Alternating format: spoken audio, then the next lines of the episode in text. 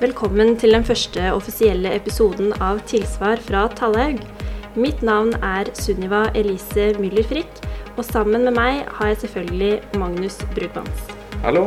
I dag skal vi fortelle dere litt om eh, forvaltningsretten, og temaet for i dag er inhabilitet, som også er svært eksamensrelevant. Ja, og som samtalepartner i dag har jeg fått med oss managing partner i Tallhaug, Aslak Runde. Velkommen.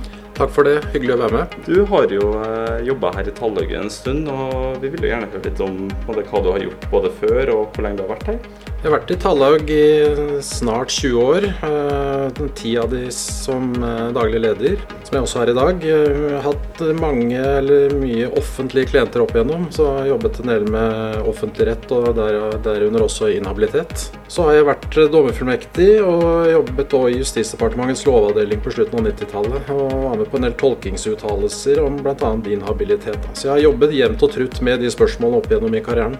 Ja, Nei, men Det er jo kjempespennende, og vi gleder oss veldig til å høre om eh, hva du har å si om inhabiliteten. Absolutt, dette blir gøy. Inhabilitet er jo en problemstilling som ofte dukker opp på eksamen, og, men det er også viktig i det daglige forvaltninga. Eh, Hvorfor er egentlig inhabilitet så veldig viktig? Det er jo helt grunnleggende i, i forvaltningsloven og i forvaltningsretten. og man pleier gjerne å begrunne det med tre, gi tre begrunnelser for hvorfor vi har inhabilitetsregler. og Det ene er jo at man skal få riktigst mulig avgjørelser.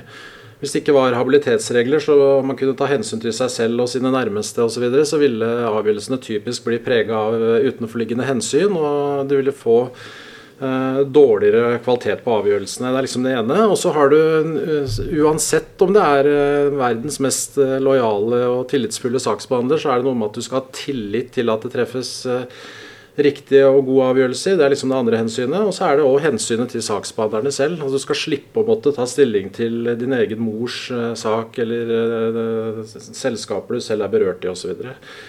så samla sett så er det derfor vi har det. Og, men, men så er det Eh, ta allerede nå i starten en sånn utbredt misforståelse. Det, det, brukes i media ofte i sånn negative ordelag, og du snakker om at du er inhabil, at det er noe kritikkverdig og, og osv. Og, og det er det jo ikke. Det er jo snarere tvert imot. så er det fint at folk er inhabile, for det viser at du har levd et liv, at du har uh, hatt sterke meninger om ting og tang, at du har uh, bygd opp noe, eier noe osv. Så, videre. så det kritikkverdige det er jo at du ikke fratrer når du er inhabil, ikke det at du er inhabil. Men hvis man først er inhabil, så skal man selvsagt fratre, og det er av hensyn til å få riktigst mulig avgjørelser, tilliten til avgjørelsene og hensyn til saksbehandlerne selv. Så med andre ord kan man da si at habilitetsreglene er sentrale for rettssikkerheten? Absolutt, det er det. Så Nepotismens tid er, er forbi. altså Vi, vi er kommet forbi, forbi det. Og, og, og det, er, det, er, helt grunnleggende. Så grunnleggende at vi kanskje ikke alltid tenker på det. Så er det òg viktig å tenke at det er noen, vi må ikke strekke det for langt. Hvis vi, hvis vi har for rigide habilitetsregler, så blir det, da blir det vanskelig å få truffet beslutninger. Norge er et lite land med, med små miljøer, så det må ikke praktiseres altfor strengt. altså. Men hvis vi går litt over til å se på det litt mer sånn lovtekniske her, da, så er jo habilitetsreglene lovfesta i forvaltningsloven kapittel 2. Er det noen bestemmelser her som er av særlig viktighet? da? Altså, jeg vil jo si at Paragraf 6 annet ledd er liksom uh, grunnmuren i hele regelverket der. Uh, når man skal forsøke å definere inhabilitet, så er det gjerne den definisjonen eller lovens ord der som brukes. Altså Det at det er særegne forhold som er egnet til å svekke tilliten til upartiskheten. Altså den Paragraf 6 andre, den skjønnsmessige inhabilitetsregelen. Hvis man som student, da, hvis du har skjønt og forstått og, og klarer å praktisere den riktig, da har du kommet langt i inhabilitet. Men samtidig så er det veldig vanskelig å liksom få følelsen av hvor ligger nivået på hva som er et særegent forhold, og når, når er det over under terskelen her. Så det er jo utfordringen her, da. Og da har du jo bestemmelsen i første ledd som gir noen en pekepinn på normen for hvor, hvor, strengt dette skal være. Men jeg vil si liksom grunnmuren er i seks annet ledd.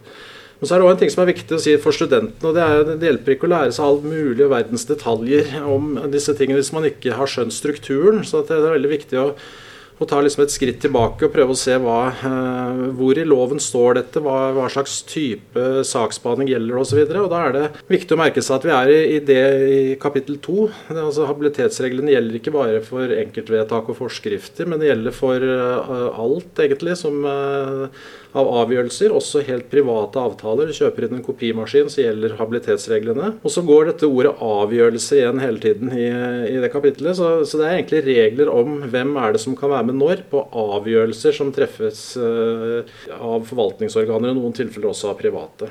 Så liksom det å skjønne den innplasseringen er, Reglene gjelder også uh, gjelder langt mer enn enkeltvedtakene.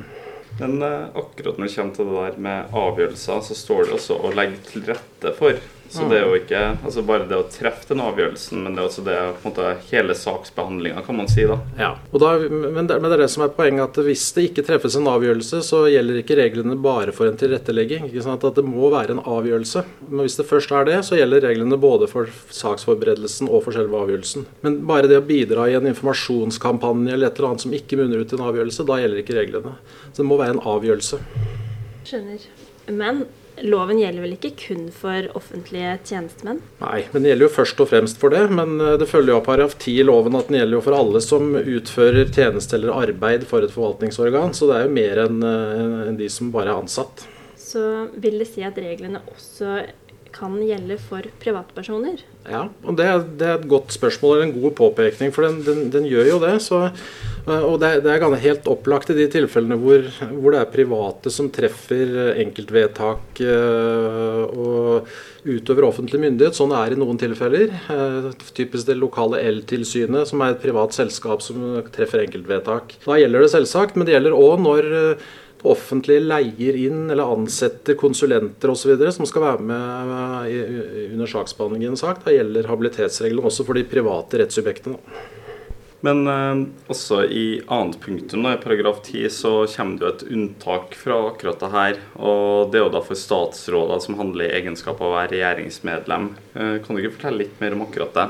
Jo, for det er, det er gjort et unntak for statsrådene som, eh, når de sitter i regjeringen. Eh, når statsrådene sitter som eh, leder av departementene sine, så er, det jo bare på toppen av forvaltningspyramiden. på en måte. Da gjelder lovens regler fullt ut, men det er gjort et uttrykkelig unntak i, i regjering.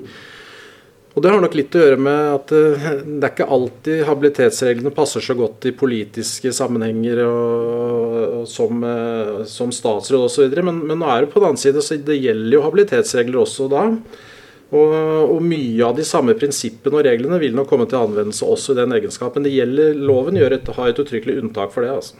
Så er det et annet unntak også, som jeg har lyst til å nevne i samme slengen, som eh, det er lett å overse noen ganger. og Det er det som jeg kaller for eh, bagatellunntaket i paragraf 6 fjerde ledd. De fleste lover har jo gjerne et sånn unntak for rettsstrid eh, eller bagateller og små ubetydelige forhold. Sånn er det også i habilitetsreglene. sånn at hvis du det er liksom Skoleeksempelet er at selv om uh, at presten kan vie sin egen datter selv å prøve ekteskapsvilkårene. og Hvis du jobber på Vinmonopolet, så er det jo en avgjørelse å, å, selge vin til seg selv fra hyllene osv., men det, det, er unntatt etter bagatellunntaket. Samme en, en, lege som da skriver ut en resept til sin mor osv. Det er jo i prinsippet en avgjørelse, og det vil kunne rammes, men det faller inn under bagatellunntaket. da. Men eh, hvis den samme legen her da, som snakker om avgir en uttalelse om førerkort, gir anbefaling om en plass på aldershjemmet til mora si Ja, Da blir det jo selvsagt noe annet. Og dette bagatellunntaket skal ikke overdrives. Det står i loven at det skal være åpenbart at tilknytningen ikke har noen betydning. Så da, da, kommer reglene inn igjen. og Det som er et kontrollspørsmål, som jeg ser juridisk teori fremhever, at hvis du er litt i tvil, så spør er det behov for habilitetsregler eller ikke på dette spørsmålet, dette området. Og da gir det ofte en god pekepinn. Og så er det et annet viktig skille også som må trekkes frem. Og det er skillet mellom de som er ansatt i det offentlige, og de som er folkevalgt. Mm. Ja, Vi var litt inne på det i stad med dette med politikere osv. Og, og, og de er jo ofte valgt nettopp pga. sine synspunkter og standpunkter. Så hvis du gikk for langt i å inhabilisere en et kommunestyrerepresentant fordi han hadde sterke meninger, så ville det være bare helt galt av sted. Så, så der må man utvise en, en romslighet. Men, men, når det er sagt, så, er det jo, så gjelder jo reglene for kommunepolitikere og fylkespolitikere. og Det er til og med uttalt direkte i, av Høyesterett, en av de få dommene vi har eh, om dette her Lyngør appartementshotell i rettstiden 1996 side 64 at eh, det gjelder ikke noe mildere eh, habilitetsnorm for kommunestyrerepresentanter i en sånn sak som der, hvor det var private særinteresser. Det var en politiker som bodde rett ved det hotellet som skjenkebevillingen gjaldt. og da, da er det ikke noe mildere norm for de. Men, men når det gjelder akkurat standpunkter og synspunkter og det du er valgt inn for, så er det en helt annen norm for når du blir inhabil. Og loven gjelder jo ikke for Stortinget. ikke sant? Det, er jo ikke et forvaltningsorgan, så der gjelder overhodet ikke loven. Og heller ikke for statsråden i egenskap av, av regjeringsmedlemmer. Da. Men det gjelder noen habilitetsregler også der, men litt mildere og litt annerledes. Mm. Men kunne vi ikke bare gått litt tilbake til forvaltningsloven paragraf 6? Eh, der ser vi at bestemmelsen åpner for tre alternative vurderinger. Det er én som går på vilkår opplistet i loven, og en skjønnsmessig helhetsvurdering, og tilfeller der den overordnede er inhabil. Vi kan jo starte i første ledd og bare jobbe oss nedover. Mm. Ja, eh, Første ledd har inneholdet det som man gjerne kaller de absolutte inhabilitetsgrunnene. Sånn at Hvis vilkårene der er oppfylt, så er man per definisjon inhabil. Eh, det er ikke nødvendig å gjøre noen nærmere vurdering av tilknytningen eller nærheten, og man skal heller ikke gjøre det. Altså, hvis det er en uh, Saken gjelder din uh, mor, da, og, det er en mor du ikke har sett noen gang i livet før akkurat i denne saken, så spiller det ingen rolle. Hun er mora di. Du er per definisjon inhabil uten noen nærmere vurdering. Det er de absolutte inhabilitetsgrunnene. Men det som også er litt interessant med akkurat uh, paragraf 6 første ledd, er jo at man ser store likhetstrekker her med domstolloven paragraf 106. Ja, det er riktig det. Den er vel omtrent nesten helt identisk. Det er litt flere eksempler i paragraf 106, men ellers er det nesten så å si helt likt. Og, det er jo sydd over samme lesten som uh, domstollovens regler. Så, så, der kan man hente inspirasjon i tolkningen osv. Fra, fra praksis og derfra. For det er mer rikholdig praksis. Men i forvaltningsloven paragraf 6 første ledd bokstav A heter det seg at uh, tjenestemenn er inhabile dersom vedkommende selv er part i saken. Så la oss si at Peder Aas jobber som saksbehandler i den kommunale vann- og avløpsetaten som behandler en søknad om å legge nye rør under hans eiendom. Vil da Aas være inhabil til å behandle den søknaden? Ja, absolutt. Eh, og da bør han fratre. når du er part, så er du, er du alltid inhabil. Eh, og Der er kanskje ikke de mest spennende og vanskelige juridiske grensedragningene. Så det er kanskje mer de andre bokstavene i første ledd. Men som part så er du inhabil. Punktum. For også Den lista med de personene den kan jo egentlig sammenlignes litt da med hvordan arveloven stiller opp. ikke sant? Altså Rekkene med måte, hvem som er livsarvinger osv. Ja, eh, så du har bokstav B i første ledd. Med, hvis du er i slekt eller svogerskap med en part i opp- og nedadstigende linje, eller sidelinje så nær som søsken. Da er du òg automatisk inhabil, ikke sant? og da er det oppover så langt uh, er folk i live oppover i systemet, opp til besteforeldre osv., og, så videre, og nedover så langt uh, det fins etterkommere. Men så er det stopp som i sidelinje som er som søsken, sånn at uh, søskenbarn f.eks. faller akkurat utenfor. Men da kan det hende at det blir inhabilitet etter annet ledd, som vi sikkert skal snakke mer om, men eh, det faller utenfor etter den oppramsingen her, da. Men er det slik at eh, man også kan bli inhabil som verge? Ja. Eh, alle pågående verge- og fullmaktsforhold for en part rammes av bokstav D i første ledd. Uh, og der er jo det som har kommet til ganske nylig i lovgivningen, altså fremtidsfullmaktene vil også være omfattet der. Så hvis du er fremtidsfullmektig for en part, så vil du òg være rammet direkte av uh, den bestemmelsen. Men i første ledd er de fleste bestemmelser nokså klar på hva som medfører at en tjenestemann er inhabil. Men uh, et alternativ som kan være litt komplisert, er når en tjenestemann er leder eller har en ledende stilling i et selskap som det fremgår av bokstav E, for da må man jo vurdere to alternativ. Ja, og den, eh, den bestemmelsen har vært gjenstand for mye diskusjon og debatt og, og på, hos lovgiver opp igjennom. Altså. Det er som du sier, to alternativer i, i, loven. Og Det første er nok det enkleste. Så Hvis du har en ledende stilling eller sitter i styret i eh, det som loven da ramser opp som samvirkeforetak, forening, sparebank eller stiftelse, eh, som er part i saken, så er man inhabil.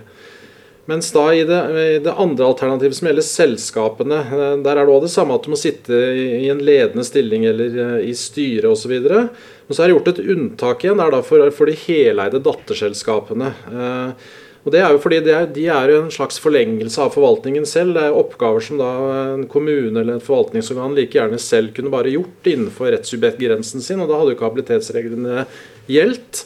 Og det at man da oppretter et heleid datterselskap som man kontrollerer, og at man da sitter også der, gjør ikke at man blir inhabil og er med å beslutte om det, det selskapet. Den må være heleid. Uh, og, og, du må ha kontroll med det selskapet. Da, og da, da gjelder ikke reglene etter første ledd igjen. Det kan jo tenkes inhabilitet etter andre ledd også der. Men det er vel slik at det også finnes unntak, som til alt annet i, i jussen? ja, det er riktig. og, og, og, det var som jeg var, var, litt inne på nettopp, da, at du, du, du, kan gå til andre ledd også der. Og det, og det er jo ikke mange høyesterettsdommer om inhabilitet og habilitetsregler i forvaltningsloven, men akkurat her er det en dom. Uh, og uh, hvor det da ble behandlet Det var en konkurransesituasjon i, i, i Møre og Romsdal hvor det da skulle tildeles eh, en kontrakt, eh, og hvor da eh, Møre og Romsdal fylkesbåter, eller MRF, fikk dette tildelt. Men det var heleid av fylkeskommunen, sånn at det at det satt personer i MRF og også var med å avgjøre konkurransen, var ikke avgjørende. Det falt rett under dette unntaket av heleid og kontrollert selskap. Men, men det var så, såpass tette bånd og nære bånd og spesielle forhold der at det da likevel ble funnet å være inhabilitet etter annet ledd den skjønnsmessige bestemmelsen. Da. Så Det er et eksempel på at den da kommer til unnsetning, på en måte. Uh, selv om det faller utenfor etter første ledd. Da. Men Vi må snakke litt mer om den skjønnsmessige helhets helhetsvurderingen. Aslak, kunne ikke du fortalt litt mer om denne regelen? Jo, det skal jeg med glede gjøre. og er, Her begynner det å bli morsomt. ikke sant? For da, når du da, Hvis du faller utenfor uh, oppramsingen i første ledd, så har du alltid mulighet for å du skal alltid vurdere etter andre ledd om det likevel eh, blir inhabilitet. Og Da heter det seg jo at man, man, må jo utvise en slags respekt for den grensen som lovgiver har trukket i første ledd. Eh, sånn at hvis det akkurat faller på utsiden av, eh, av første ledd, i en av kategoriene der, så vil det kunne være illojalt mot lovgiver å, si at da vi tar det likevel med til andre ledd. Så det må komme noe i tillegg til det som er i i første ledd. Og jeg nevnte eksempelet i stad med, med, en mor du aldri har sett før hun dukker opp som part i en sak. Kanskje litt teoretisk eksempel, men, men det kan jo hende at f.eks. Um, en relasjon er veldig kald og, og, og, uproblematisk. Men det trenger du ikke å vurdere etter første ledd. Når du kommer i andre ledd, så kan det hende at søskenbarnrelasjonen er veldig nær. Og Da vil du fort vekk si at ok, selv om ikke det rammes av første ledd automatisk, så er det så nært i dette tilfellet at det blir inhabilitet etter annet ledd. da. Uh, og så er jo dette et eksempel på en rettslig standard, som, uh, som det kalles. Altså en, en, norm som kan forandre seg litt med tiden. så det er ikke gitt at det som var medført inhabilitet på 60-tallet, nødvendigvis gjør det i dag. Da. Dette er en, en, norm som er litt i utvikling, og, og som må praktiseres ut fra samfunnsforholdene mm. og tiden man er i. da. Ja. Men det er vel ikke bare særegne forhold heller som er av betydning da, ved annet ledd? Nei, det må jo også være egnet til å svekke tilliten til vedkommendes upartiskhet, som det står i loven. Eh, og det er jo, eh, Så har jo loven òg noen eh, momenter som skal vektlegges. ikke sant? Om det, om det, er fare for, eller om det kan gi en særlig fordel for, part, for saksbehandleren selv, eller for noen som står saksbehandleren nær. Da. Så eh, Loven har noen momenter som skal vektlegges, så det må man alltid sørge for å vurdere opp mot det. Eh, både på eksamen og i det virkelige liv. Men eh, hva er det som egentlig menes med at man står vedkommende nær? Det er et godt spørsmål. Det er jo typisk vennskapsforhold da, som, har vært, som har vært diskutert der. Og det kan være Hvis man leser Det vil jeg faktisk anbefale å gjøre. Det kan være litt sånn morsom måte å lære seg den, å få den normen under huden på. Gå inn på Justisdepartementet eller på Lovdata og se på Lovavdelingens uh, tolkingsuttalelser om statsrådshabiliteter, så vil du få masse morsomme saker som viser hvor nært et vennskap skal være. Og Der var det jo veldig mye I Stoltenberg II-regjeringen så var det veldig mange saker. Annet eh, var Jonas Gahr Støre var utenriksminister da. og og så var spørsmålet om han kunne være med å fastsette apanasjen, eller lønna til eh, kronprinsen. Hvor han da redegjør i detalj for sitt og sin kones relasjon til kronprinsen og kronprinsessen.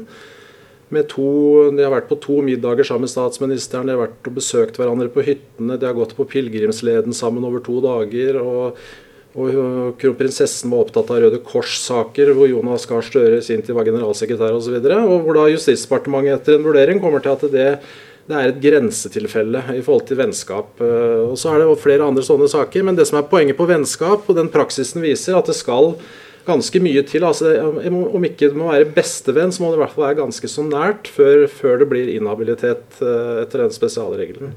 Og Samme med uvennskap og sånn. Og det skal litt til. altså Det er ikke nok at du Uh, at du har litt mot uh, vedkommende osv. Det, det skal litt til. Og det har vært gjenstand for kritikk at uh, kanskje er den normen litt for streng både på vennskap og uvennskap. Men sånn er den. Men det er vel ikke bare relasjoner da, til partene som medfører inhabilitet heller her? Nei, og det er det som er det fine, eller det vanskelige med annet ledd. At det er jo i prinsippet ingen grense for hva som kan medføre inhabilitet. Etter første ledd så er det jo ABCDE, ikke sant. Men her er det jo det eh, kan være mye forskjellig. Det kan være nærhet, eh, vennskap osv. Det kan òg være at du har eh, at du har engasjert deg. Det er typisk i en sak at du har vært veldig engasjert i en, motstander av, av flytrafikk f.eks., og så kommer det opp en sak hvor du skal avgjøre hvor hovedflyplassen skal ligge, eller et flyplassspørsmål. Kanskje har du ytra deg så sterkt at du blir inhabil. Men så må dette praktiseres klokt. for det, heter seg at det, det, er ikke det at du har hund, inhabiliserer deg ikke en båndtvangssak, f.eks. Det at du, har, at du er en naturverner.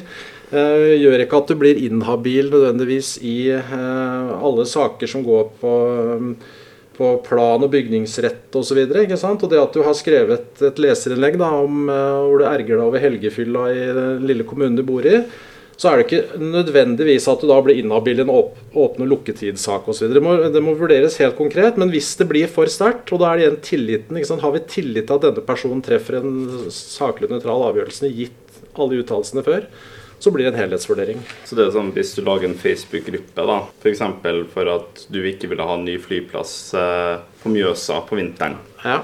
da da kan det medføre inhabilitet hvis du er veldig aktiv i den Facebook-gruppa. Ja, Litt avhengig av hva slags sak som det da kommer opp i, men det vil fort kunne bli eh, en vurdering, det da. Ja. Så Det man egentlig kan lese ut fra den dommen, da, er at uh, man må foreta en konkret uh, skjønnsmessig helhetsvurdering for hvert enkelt tilfelle? Ja, og det er det gjennomgående. Ikke bare når du sier den dommen, så er det antagelig denne Lyngør appartementshotelldommen du tenkte på, mm. uh, som vi snakka om i stad, som er helt konkret. Og der og i alle saker så er det en, en, helt konkret skjønnsmessig vurdering. Altså. Men så er det viktig å legge vekt på de momentene loven sier at du skal legge vekt på. Og særegne forhold og særlige forhold det er ganske sterke ord, så det skal litt til. altså Det ligger i ordlyden. Det må ikke være unikt, men det må være eh, noe mer enn det som rammer mange. Men det vi også ser her, da, som vi var litt inne på i stad, det er jo en parallell altså til eh, domstolloven. Bare nå er vi jo i paragraf 108. Hva slags eh, betydning har egentlig det? Ja, Det er jo parallellen til paragraf 6 andre ledd. ikke sant? Mm. Og, og, Der har vi jo mer rikholdig praksis igjen, som vi kan uh, hente inspirasjon fra når det gjelder tolking av forvaltningsloven. Men så er det nok sånn at man skal være litt forsiktig med å, å, å, bruke den altfor rigid òg. For det, det, det, er i hvert fall ikke strengere habilitetsregler i forvaltningen enn i, i domstolene. Så man skal ha det litt i bakhodet. Altså at det er så mange flere forvaltningsavgjørelser at du kan ikke tolke det like strengt nødvendigvis som eh, i domstolen. da. Men absolutt inspirasjon å hente fra den paragrafen. Men i tillegg til de typetilfellene vi har vært innom nå i første ledd, og helhetsvurderingen i annet ledd, har vi flere regler i forvaltningsloven paragraf 6? Ja, eh, du har jo eh, bestemmelsene i tredje ledd, er det vel, om avledet Eh, inhabilitet, som det heter. Altså Hvis eh, det er noen som er over deg i hierarkiet, som er inhabil, så blir også de underordnede avledet eh, inhabile til å treffe avgjørelse i saken. Men de kan være med å saksforberede den, da, men ikke til å treffe avgjørelse. Det følger òg av loven. da. Og Her er det en dom faktisk fra Høyesterett fra 2009, side 1553, om en barnevernsleder som var inhabil. Og da kunne ingen av de andre i tjenesten da fremme en sak eh, for fylkesnemnda. Var ikke, der var ikke selve habilitetsspørsmålet så spennende, hun var inhabil. Men det å da fremme en sak var utelukket for alle i tjenesten. Som følge av regler om avledet inhabilitet. Men eh, hvordan får man da truffet en avgjørelse når topplederen er inhabil? Eh, så vil vel hele organet også bli inhabile da, eller? Ja, det er, det, er jo, det er, jo, riktig observert. Det er en konsekvens av det. og da, Når toppsjefen er inhabil, så, så, vil alle i organisasjonen bli det. og Da må man rett og slett finne en, eh, en stedfortreder utenfor organisasjonen. og Da har jeg hatt noen eksempler her på Lillehammer, hvor gamle Oppland fylkeskommune f.eks., hvor eh, statsforvalteren eller fylkesmannen da var inhabil. Hvor det da ble oppnevnt en sett settefylkesmann, eller settestatsforvalter i dag, fra Hedmark. Da. Så da finner du fra et annet parallelt organ. Så det er alltid løsninger på dette. Eh, men når topplederen er inhabil, så vil alle i organisasjonen være det. For Da hadde jo også et annet eksempel i Nav-skandalen. Da ble jo det satt en setteriksadvokat. Det kan vel sammenlignes litt her, da? Ja, da er det jo en annen lovgivning, men det er jo forvaltningsrett for så vidt, det òg. Så mm. det er helt riktig et godt eksempel, det. Men eh, nå har vi på en måte snakka litt om hva som medfører at du blir inhabil. Men hva er egentlig virkninga av inhabilitet? Den aller viktigste virkningen av inhabilitet den står jo ikke engang i loven, men den er så selvsagt at man kanskje ikke fant grunn til å skrive den inn. At man skal fratre. Man kan verken saksbehandle eller avgjøre saken. Det, er, det, står ikke noe sted, det, men det er det mest selvsagte, på en måte. Um, og da er Det jo sånn at man, det står jo i loven at man skal, kan avgjøre det inhabilitetsspørsmålet selv. og Det er mange som misforstår. Det er ikke sånn at det da er fritt fram og så finne ut av om jeg er inhabil eller ikke. Du må jo følge lovens regler, og det er den som gjelder. og Tar du feil, så var det feil. på en måte. Men i første omgang så skal du, du, skal du, du skal alltid vurdere din egen inhabilitet. Og så kan du gå til dine overordnede, og du bør også gjøre det hvis du skulle være i tvil. Eh, hvis du da ikke fratrer og, og, likevel behandler saken som inhabil, så er jo det, den andre virkningen da uh, spørsmålet om uh, den avgjørelsen som treffes, blir ugyldig eller ikke. Uh, og da er jo inhabilitet er jo en, en, en, mangel ved saksbehandlingen, eller ved den personelle kompetansen, rettere sagt, da, i, i, for hvem som kan være med å behandle en sak. Og Da har du prinsippet i forvaltningsloven paragraf 41. altså Da blir vedtaket også ugyldig hvis det Eh, hvis den feilen kan ha virket bestemmende på innholdet eller resultatet. Eh, og Det vil veldig fort bli ugyldighet, fordi inhabilitet er en ganske alvorlig feil. Det er lett å tenke at det har hatt betydning at du var inhabil. Med mindre det er et kollegialt organ hvor det er mange andre som er med og stemmer på det. Sånn som vi så i den Lyngør strandhotelldommen, hvor det sa at uansett hadde utfallet blitt det samme, så spilte det ingen rolle at den ene var, var inhabil. Men det er eh, den andre viktige virkningen, ugyldighet. Dette er noe vi kunne snakket lenge om, men eh, jeg foreslår at vi sier tusen takk for en lærerik og hyggelig prat med deg, Aslak Runde. Takk i like måte.